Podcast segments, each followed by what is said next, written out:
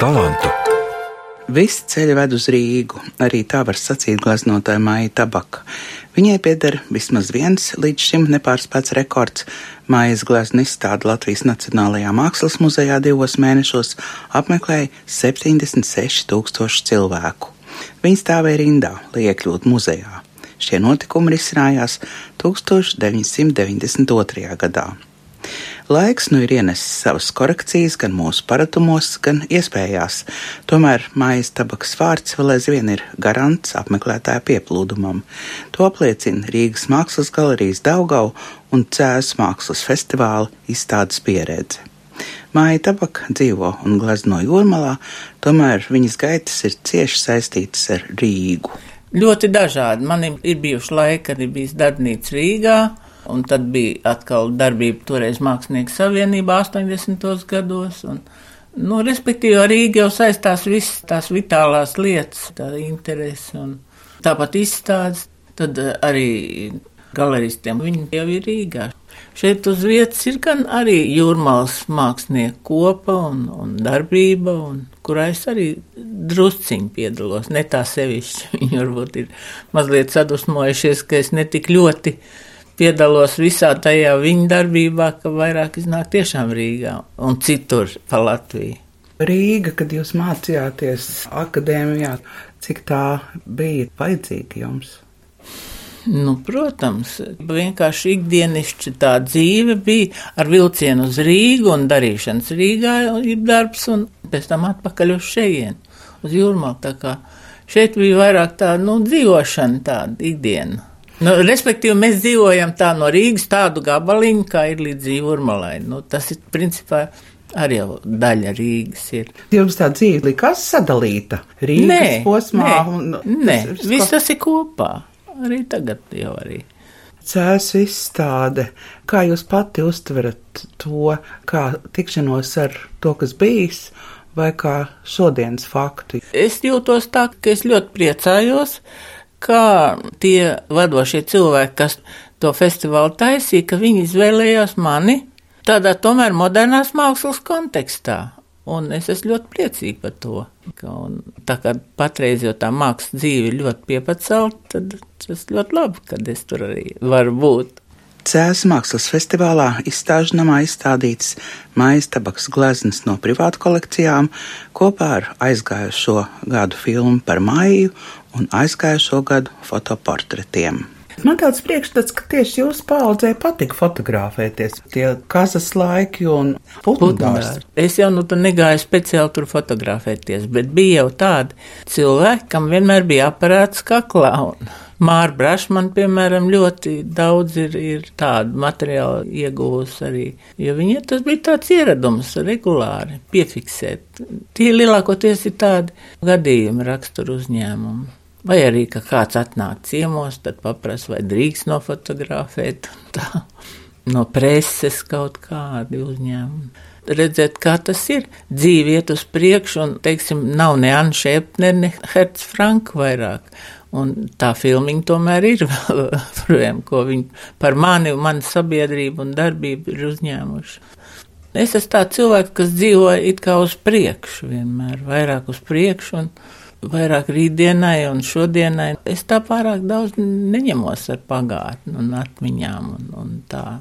Protams, ir tā dzīve, kas ir bijusi, un tā ir mana dzīve, un viņa ir rītējusi tāda, un tie notikumi, un nu, viņi man ir ļoti svarīgi, protams, jā. Mājas tabaks portreti fascinē nevienu vienu. Izstāžu apmeklētāji redzējuši vairākus rakstnieces Gundagas repšas portretus, bet vai pati Gundaga zina, cik to ir? Jautāja viņai, satiekoties ārā kafejnīcā. Nē, es nezinu, man tas ir eh, miglātīts, diemžēl. Bet es esmu pozējis vienreiz, tikai vienreiz.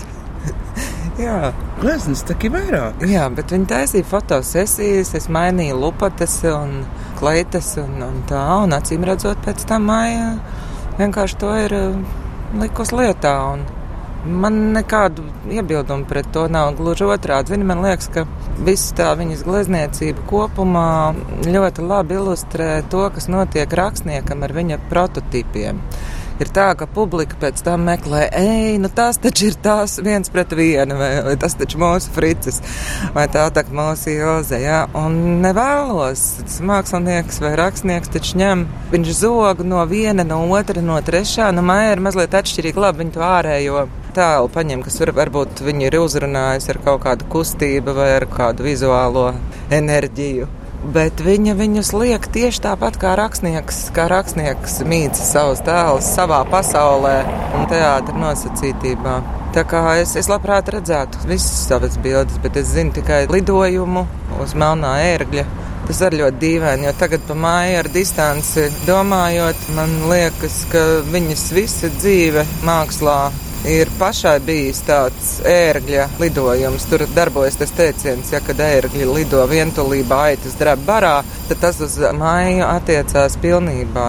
Viņi ir cilvēks ar noslēpumu, ļoti introverts cilvēks, manuprāt. Tas īpaši uzkrīt šajos laikos, kad katrs iet ar paplātu ar savām iekšām pa priekšu. Un viņai ir tas noslēpums, un tas ļoti fascinē. Bet noslēpums un dzīve mākslā vienmēr līdznes stingzinoša vientulība. Man liekas, ka viņa arī ir eh, ļoti vientuļš cilvēks, bet savā pilnīgi savā pašas būvētajā pasaulē. Un it kā jau saka, ka katrs cilvēks ir vesela pasaule, bet man liekas, nav gluži tā. Ir cilvēki kā tāda iztašķīta krāsa, ir cilvēki tā kā tādi ziepju burbuļi. Ir. Un teikt, ka katrs ir vesela pasaule, nemaz dzīves laikā kādreiz neizdodas to pasauli tā uzbūvēt. Un man liekas, ka mājai tas ir izdevies.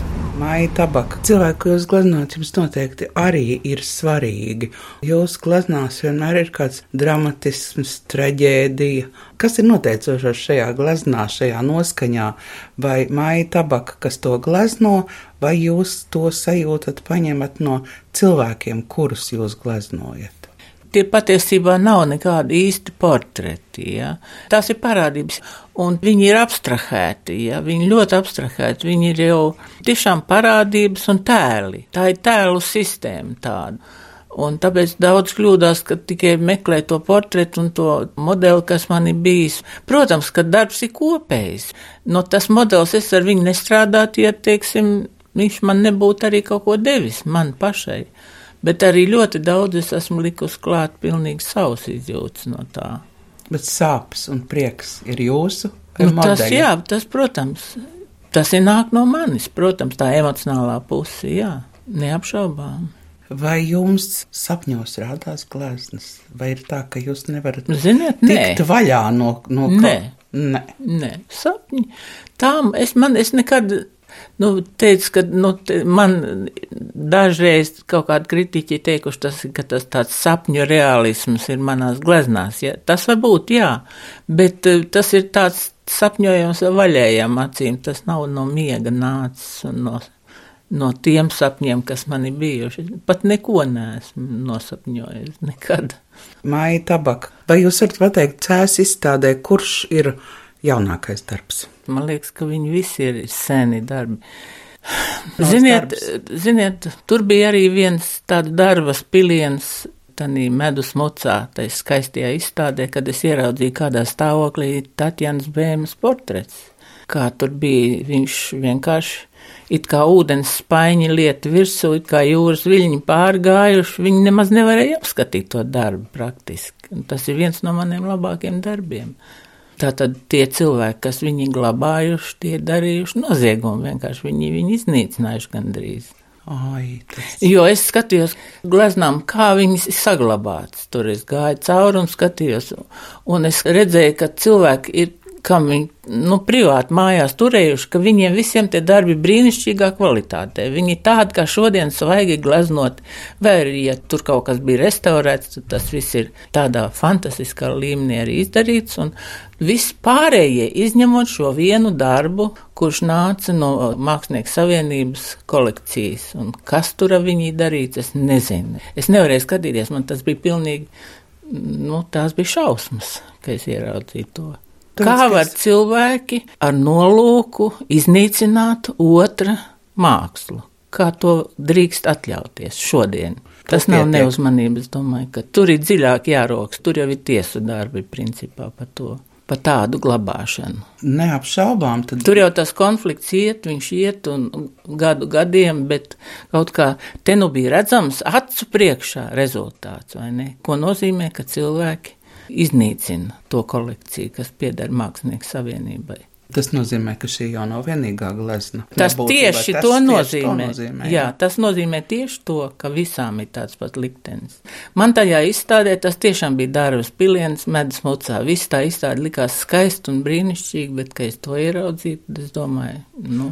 Es zinu to visu to vēsturi un kas tur notiek, un tā ir Mākslinieku savienībā patreiz nu, ļoti aktuāla nelāga lieta, kas ir burtiski ministra līmenī jārisina. Jo, nu, vai jūs domājat, ka tas ir labi, ka, ka kolekcija aiziet bojā un Tas brutālā veidā? Tas ir Jā. ārprāts. Tā ir. Tas ir vaiprāts, Tā jā, ja tā var saglabāt darbu. Tā ir problēma. Ne Mhm. jau tikai manējā. Tas ir kas notiek ar cilvēkiem, ar sabiedrību. Man ļoti pārsteidza, es no jauna ieraudzīju Gunda Grepši.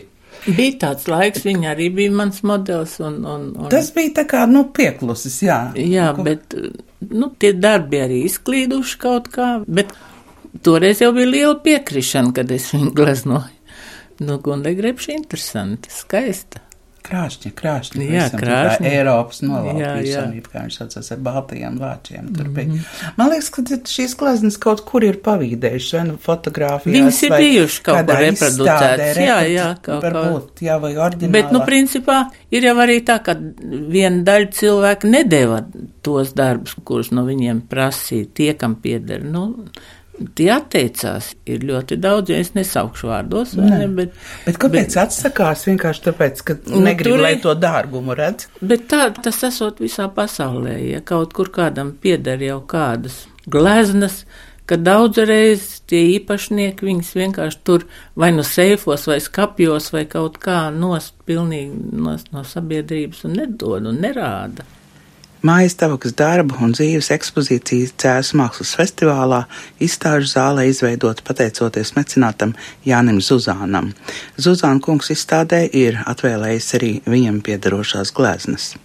Man liekas, viņa ir viena no talantīgākajām 70, 80, 90 gadu māksliniecēm. No, ārkārtīgi spēcīga personība. Tie portreti ir psiholoģiski, un daudziem cilvēkiem varbūt viņiem grūti panesami. Ja? Līdz ar to viņi ir tādi no, darbi, kas izraisa pat uzbudinājumu, un man tas ļoti patīk. Vai jūs gribētu, lai viņi jūs glezno? Īsti neredz nepieciešamību. Bet būtu interesanti, kāpēc ne? Tas ir tāds, man liekas, lēciens augstā ūdenī. Kaut gan jau saka, ka tie nav tie cilvēki, ka viņi liekas sevi iekšā. Tagad jau mēs cēsīs skatoties to pašu Tatjana Bēmas portretu, kā izcils portrets. Jeb uh, Milēnas gulbas portrets tāds nu, ārkārtīgi romantisks, un tāds maigs un eterisks. Pilnīgi divi dažādi, ja, bet mēs tos cilvēkus nolasām, ja, kādas tās personības ir. Un, man liekas, Maijai varētu būt tas, ka viņa ļoti atkailināja cilvēkus savā mākslā. Kā nerādot šo kailumu, bet faktiski tur viņš ir preparēts. Varbūt tas arī pievelk un arī baida. Bet jums pašai, Maijai, tabakai, vai jums tikšanās ar gleznu, vai tas jums sagādā prieku, vai šīs gleznas visas jums tāpat ir acu priekšā? Jūs jau noteikti arī nebijāt daudz no tām gleznām, vai gandrīz nevienu gadiem redzējusi. Nu jā, man ir ļoti interesanti viņas atkal no jauna ieraudzīt, jo es principā tā, kad es ieeju jaunā gleznā, es aizmirstu visas pārējās. Es taisu to tikai un, un strādāju tikai pie tā, ko es patreiz daru, un man it kā nekas cits neeksistē vairs. Es it kā to esmu iekšā tanī, un tas man liekas arī interesantākais un labākais. No, tā tas visiem māksliniekiem esot. Es neesmu vienīgā, kas tā. Bet tad, kad es viņus tagad atkal ieraudzīju, Man pašai bija ļoti liela interese. Es tā papētīju, kā es esmu to taisījusi, kā es esmu to darījusi, kā man tas iznāca un tā tālāk. Es, es pētīju viņu. Un man liekas, ka tās telpas jau bija ļoti skaistas, vai ne? Man ka tur ir, ir tik tāda noskaņa, tāda viņa bija tāda samtaina zaļgana it kā tāda. Tur varēja, tur cilvēks var tā estētiski izbaudīt gan gleznu, gan, gan to telpu, gan arī to noskaņu, gan mākslu vispār, un kaut kā ļoti skaisti viss. Vai jums ir gadījies tā, ka nu, gribas apciemot kādu savu gleznu, un jūs ejat ciemos? Nu, laikam nē. Nē, nē, nē. Ja es, es zinu, ka man tas nav vairāk, man tas darbs, vai ne, es liekos mierā. Domāju kaut ko citu. Es esmu realists laikam. Tik ļoti, tad jūs esat ārkārtīgi tā sevi protat savā. Ne, man, ne, saprotiet, tik ļoti man pašai darbojās fantāzija. Ja? Viņi visu laiku pieprasa, kā tas ir tā kā tāda atkarība, tā kā no azartspēlēm, tā man tā glezniecība. Man uzreiz, man jau visu laiku, es, es eju jau citā dinamikā atkal kā uz priekšu, un tas vecais viņš tā aizpeld. Bet es sekoju tomēr, kur tās gleznas ir, un es zinu, kam viņas ir. Un es, es tā domāju arī, ka vajadzētu savākt tādu lielu milzīgi, nu, tāda īsta retrospektīva izstāde. Tāda. Man, man nav bijusi tāda. Vajadzētu. 92. gadā tā bija diezgan laba, liela izstāde Mākslas muzejā, kas bija. Bet tagad šitos pēdējos gadus ir bijuši tikai kaut kāda viena nianses no katra. Bija Jā. tā apmēram reizi gadā vai pat diviem gadiem reizi es savācu to, kas man ir no jauna radies. Un te jau arī tāda mode ir, kad visu to jaunāko, tikai to jaunāko, to, kas ir bijis, kas ir zināms, tas ir slikti. Tas ir tādēļ, ka mums nav muzeja, ka cilvēks viņam nav kur aiziet paskatīties laikmatīgās mākslas muzeja, tad mums vajag. To vajag, jā, jo kā tad var būt, ka māksla ir eksistējusi līdz 40. gadam un tālāk viņa vairs nav bijusi nemaz. Izklausās neticami. Nu, tas izklausās neticami tiešām, tā, ka tā var būt, bet nu paradoks. Bija tāds laiks, kad Maija Tabaka, jūs sacījāt, ka jūs mēģināsiet uzgleznot visas tās gleznas, kas pazuda. Jā, to es zinu, ka jūs dažas uzgleznojāt, vai es, visas? Es apmēram, es astoņas gleznas uzgleznoju. Cik tad palikušas ir neuzgleznotas? Bet šeit izrādījās. Garlaicīgi? Nē. Nebija nemaz garlaicīgi, bet bija samērā pagrūti ieiet it kā atpakaļ tajā noskaņā, kas ir bijusi toreiz.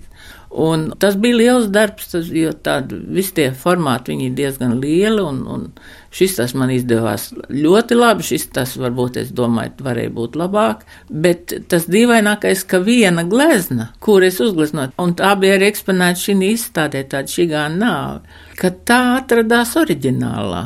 Bija viens cilvēks, kas viņu atveda, no Amerikas uz šejienu atpakaļ. Un, nu, un es biju uztaisījis arī tagad jau to restaurāciju. Tā kā man ir divas tādas, tagad divas gleznas. Jūs zināt šo gleznas ceļu, noslēpumu? Nē, te jau būtu darbs tiešām cilvēkiem, kas ar to nodarbojas, arī profesionāļiem, kas meklē. Tas vēl Latvijā patreiz viss liekas, ka mums ir tāda bagātība no gleznām, ka citur tā tas diemžēl nenotiek. Cilvēki tomēr meklē rokā visu kaut ko. Bet te vēl ir tik daudz visa kā, ka nu, nav jēgas meklēt, gan jau iztiksim bez tā, kas ir aizgājis un pazudis. Un, un te pat tiem pārmaiņu laikiem jau viss, kas notika. Atnāca tādi tirgotāji, es neesmu vienīgā, kas ir no tā laika, kas ņēma un ķēra un grāba saujā un pavelti. To, ko mēs aiz muļķības vienkārši atdevām pa neko, pa galīgi sīk naudu, tādu, kas jau izsmieklis ir pilnīgi. Nu, bet tagad, tagad es skatos, ka tagad ir tendence tomēr vākt kopā, atpakaļ. Bet jūs zināt, kas ar to čigānu nāvi, ar to gleznu notika? Kur bija šos garos gadus? Viņš bija Amerikā. Pie kā, kāpēc? Nē, es nezinu. Neko. Man ar to nebija nekāda sakara. Man neko nekas neatdeva. Vienkārši cilvēki, kas paši bija ieinteresēti, bija dabūjuši. Amerikā. Un tagad šī glezna pieder Jā. kādam. Jā, nu, pie tā es vēl esmu sev uztaisījis otru, kas man pašai pieder. tas ir muļķīgi, vai ne, ka tā var sanākt. Es to nebūtu darījis, un būtu varbūt kādu citu izvēlējusies darīt, bet nu iznāca, ka to. Un esat nolēmusi tomēr turpināt šo atkal patreiz gleznošanu? Nē. nē, patreiz nē, patreiz nē, es negribu vairāk. Līdz ar šo te gleznu man bija tā kā, es domāju, priekš kam dzīvot vecās atmiņās. Un ja jau var atrast oriģinālu, kas zina, atradīsies kāpēc atradīsies cits? varbūt arī citas? Jo man ir ne tikai tādā virzienā tur aizgājuši gleznas, man arī Kanādā ir, es zinu, kur ir. Varbūt, ka var cilvēki ar gudru galvu un labām iemaņām detektīviem maņām to visu dabūt. Romānu arī par to var uzrakstīt. Visu laiku domāju, Jā. ka Latvijā jau tas nenotiek. Mēs tikai lasām par citām zemēm, kur tādas lietas notiek. Mājas tabaks 80. gadu beigu glaznā Eiropas nolaupīšana samanāmi rakstnieces Gundagas repšas vaipsti, krāšņa parādība seknos toņos, fonā, balta ziema un balti lāči. Izrādās, ka pati Gundaga šo darbu nav redzējusi, braukšot uz cēsīm skatīties. Man liekas, ka ļoti būtiski ir eh, ar distanci skatoties viņas mākslu, ka viņa ir parādība ne tikai kā gleznotāja, viņa ir pilnīgi noteikti. Kā lai saka, sociāla filozofiska parādība, ko tikai tagad var tā īsti novērtēt, kas viņa bija, teiksim, 70. gados, visneiedomājamākās stagnācijas laikā, pelēcībā, trulumā, nekustīgumā. Tad šis krāšņais putns, šis ambiciozais, skandalozais cilvēks laikā, kad neeksistē ne dzeltenā prese, ne glancētie žurnāli, ir tikai tās leģendas, kas kaut kur tā aizvējo caur parkiem, kad viņi kaut kur ir ieraudzīti kā vizuālā parādība. Kā arī stāsti, teiksim, kas ir pilnīgi neiedomājami padomjērā, ka viņi ir iegāzus pa ģīmi kādam no recenzentiem. Nekad nav izdevies mājai pajautāt, kas īsti tur bija un kas to izstāds, bet katrā ziņā tas bija tāds precedents, nu, tā nerīkojās. Nu, kritiķi taču tolaik bija dievu vietā vispār, un, un viņi tādu lietu arī paveica. Zini, bet vēl bija ļoti interesanti, ka tad, kad es ar viņu iepazinos svaigā maiju, ka viņi izrādījās pilnīgi citādāks cilvēks nekā, protams, tas publiski radītais priekšstats un arī viņas glezniecība. Ļoti kluss, varētu teikt, pat biklus cilvēks, iekšupvērts, kas nekad neiziet uz kaut kādiem skaļiem ekscesiem vai kādu spridzināšanu, dzirksteļošanu. Tas man bija ļoti liels pārsteigums, un tas vedināja meklēt daudz dziļāk arī viņas mākslā. Jo viņas mākslā arī cilvēki tā skatās cauri visai viņas daļradē. Viņi gan tur ņemās un pārģērbjas, un ir karnevāli, un ir ļoti skaistas, glamūrīgas drēbes, bet viņi nesarunājas. Viņi ir katrs pilnīgi pa sevi. Tur arī tā stingzinošā vientulība ir dziļi iekšā. Māja tabaka, ko jūs tagad gleznojat, ja drīkst jautāt? Es ziniet, ko es tagad gleznoju? Tādus it kā eksotisks dienvidu skatus savienojumā ar Latviju kaut kā savienojumā arī. Es, piemēram, uzgleznoju divus gleznus ar papagaļiem, kur es vienā gleznā viņi ir ar meitenēm tādā upmalā un vents krastā un Otrā ir vienkārši viņa paša tāda dzīve, papagaļa mājas. Nu, nu, man vienmēr nāk kaut kas no jauna, un tagad es, tad es kaktus gribu gleznot un kaut kā piesaistīt atkal arī tādai. Man jau vienmēr tā fantāzija iet kopā ar realitāti, un tagad tā, tagad es pie šitā esmu pieķērusies. Man nav nekad tā saucamais sociālais pasūtījums. Nekad nav bijis visā manā mūžā. Iekšējais, iekšējais. Bet ir mana programma tāda, kurā es it kā meklēju jaunas tēmas un jaunu iespēju atkal sev kaut ko atrast, ko es neesmu gleznojis vēl. Un tad es, tad es atrodu atkal pamazītiņā. Un tas ir kaut kas cits, atkal, vai ne? Jūs redzat, man interesē tās formas, tās sīkformas, kas tur ir. Nu, jā, nu, es te tā arī spēlējos ar tiem papagaļiem, ar tām krāsām. Man iepatikās, ka viņi ir tik koši, viņi ir tik neiedomājami koši. Ja, ka tu skaties, un vēl nevar un nevar un nevar uztaisīt tik koši, cik viņi ir. Dabas veidojumi. Kur jūs ņemat to oriģinālo papagaili? Es zinu, tie divi, tie divi blakus mājā dzīvo. Un Līdz e, jums ar atlidojumu jums jāiet ciemos. Es tad aizēju un skatos un, un pētu un paskicēju, ko es tur varu ieraudzīt. Nu tā. Istabā, kur mēs runājamies, es skatos tikai jūsu darbi. Uz manu aci tā kā vienā noskaņā gaiši un harmoniskāki visi, kā parasti ābeļziedi un gunda grepši. Tas ja? pieder manam vīram.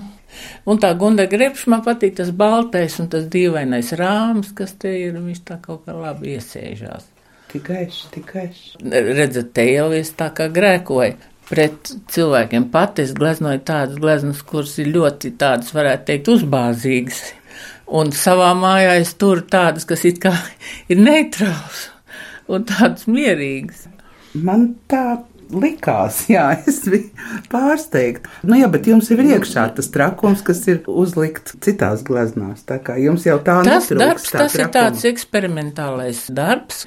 Un tur ir savi meklējumi. Es varētu teikt, es kā tāds zinātnieks un pētnieks nodarbojos. Tur es izpētu visu to dzīvi. Un, un ja kādam viņš nodara, nu, tad lūdzu, bet man pašai es mājās viņu vairs negribu turēt. Es jau viņu nolieku to gleznas motīvu. Es viņu aizvēru, es viņu nolieku glabāties vienkārši. Kas bijis, bijis ejam tālāk, ja? Jā, jo viņš man tad traucē, lai es tālāk atkal darbotos.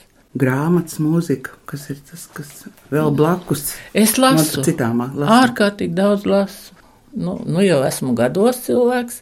Es meklēju tādu savu harmoniju, lai man būtu. No rīta man, piemēram, patīk vingrot, tad es vingroju un kustos, tad mēs braucam, tad mēs ejam, tad atnāk mājā, tad es esmu tāda nobriedusi, tad es gleznoju. Nu, apmēram trīs stundas strādāju, un tad atkal ir tie saimnieciskie darbi. Kaut ko dārzā, kaut ko pie ēšanas un tā.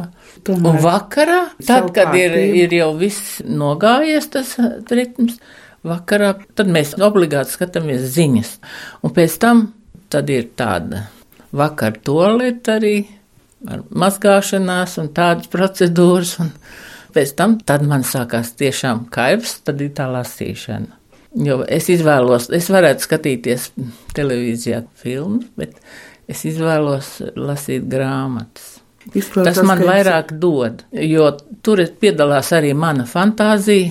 Tas ir tā, es, ka tā kā caur to šifru, kas ir rakstītais vārds, es iegūstu informāciju un es domāju līdzi. Izklausās, ka jums diena ir ļoti gara. Tad, ja es sadalu, man patīk, ja es varu to visu izpildīt, to programmu, kas ir gara. Vasarā jums ir labs laiks dzīvošanai, strādāšanai. Nu jā, vairāk saules, ziemā ir grūtāk. Tā kā es strādāju tikai pie dienas gaismas, tad ir jākoncentrējas uz to laiku, kad ir gaišs. Es nevaru pie elektrības. Tad iznāk daudz citas nodarbes laiki. Bet te jau ir ko darīt mūžīgi. Kungs, te ir sniegs, jā, tie ir ziemā, un vasarā ir atkal tas dārzs. Un nu, mums ir nepārtraukta karpīšana. Jūs tomēr esat tas cilvēks, kas dzīvo līdz ar sauli, ar gaismu. Tā, tā. Laikam gan, jā. Un es sev neļauju ilgstoši no rīta miegoties, jo tad tā diena kaut kā nu, nav tik auglīga un, un skaista. Tas jau kārdinoši dzīvot savā vaļā, bet, ja tu dzīvo savā vaļā, tad tev pašam arī ir jābūt savam mugurkaulam. Nu, māksliniekam tāda tā dzīve ir. Par mums neviens negādā. Pašam par sevi jāgādā, par visu ko. Par naudu, par ēšanu, par dzīvošanu. Nu, jāgādā pašam par sevi, par darbu. Es esmu profesionāls. Man tas ir darbs. un Tas ir tāpat tā kā aktierim uz, uz skatos ir darbs. Citam izpriec un baudu, bet man tas darbs. Es esmu priecīga, ka es varu ar to nodarboties. Ka jums tas ir dots arī. Jā, Citi jau arī gribētu tāpat, bet ne visiem iznāk. Bet es esmu atkal no tādiem, kas saka, ka nevajag spiest pa katru cenu saviem bērniem un mazbērniem un bērnu bērniem atkal dzīties iekšā glezniecībā, jo ļoti retam, kas pārmanto savu vecāku dotības, tas nav tik bieži. Ka vajag ļaut, lai cilvēks pats izvēlās, ko viņš gribēs darīt, tad, kad auga. Jūs jau to pat izdarījāt. Es jā, es zināju, ka es iešu. Es gāju toreiz pie Baušķinieku uz pionieru pili. Bija tādas dienas, kad viņš tur viens pats sēdēja, neviens nebija atnācis. Es pa svētdienām es biju kā punkts klāt. Un es gāju dažreiz arī tā žēlsības, domāju, neviens neatnāk. Skaisti saulaina diena, var gleznot un strādāt, var zīmēt, un skolotājs tur sēž viens pats. Un tā es aizgāju arī viņa dēļ, lai es tur vismaz tā būtu. Uzcītīgā skolniece. Gleznotāja māja tabak labāk par citiem prot ieraudzīt un uz saviem audekliem uzburt krāšņas vīzijas, ne tikai mitoloģija un vēstures ainās, bet arī gluži mūsdienīgos personāžos.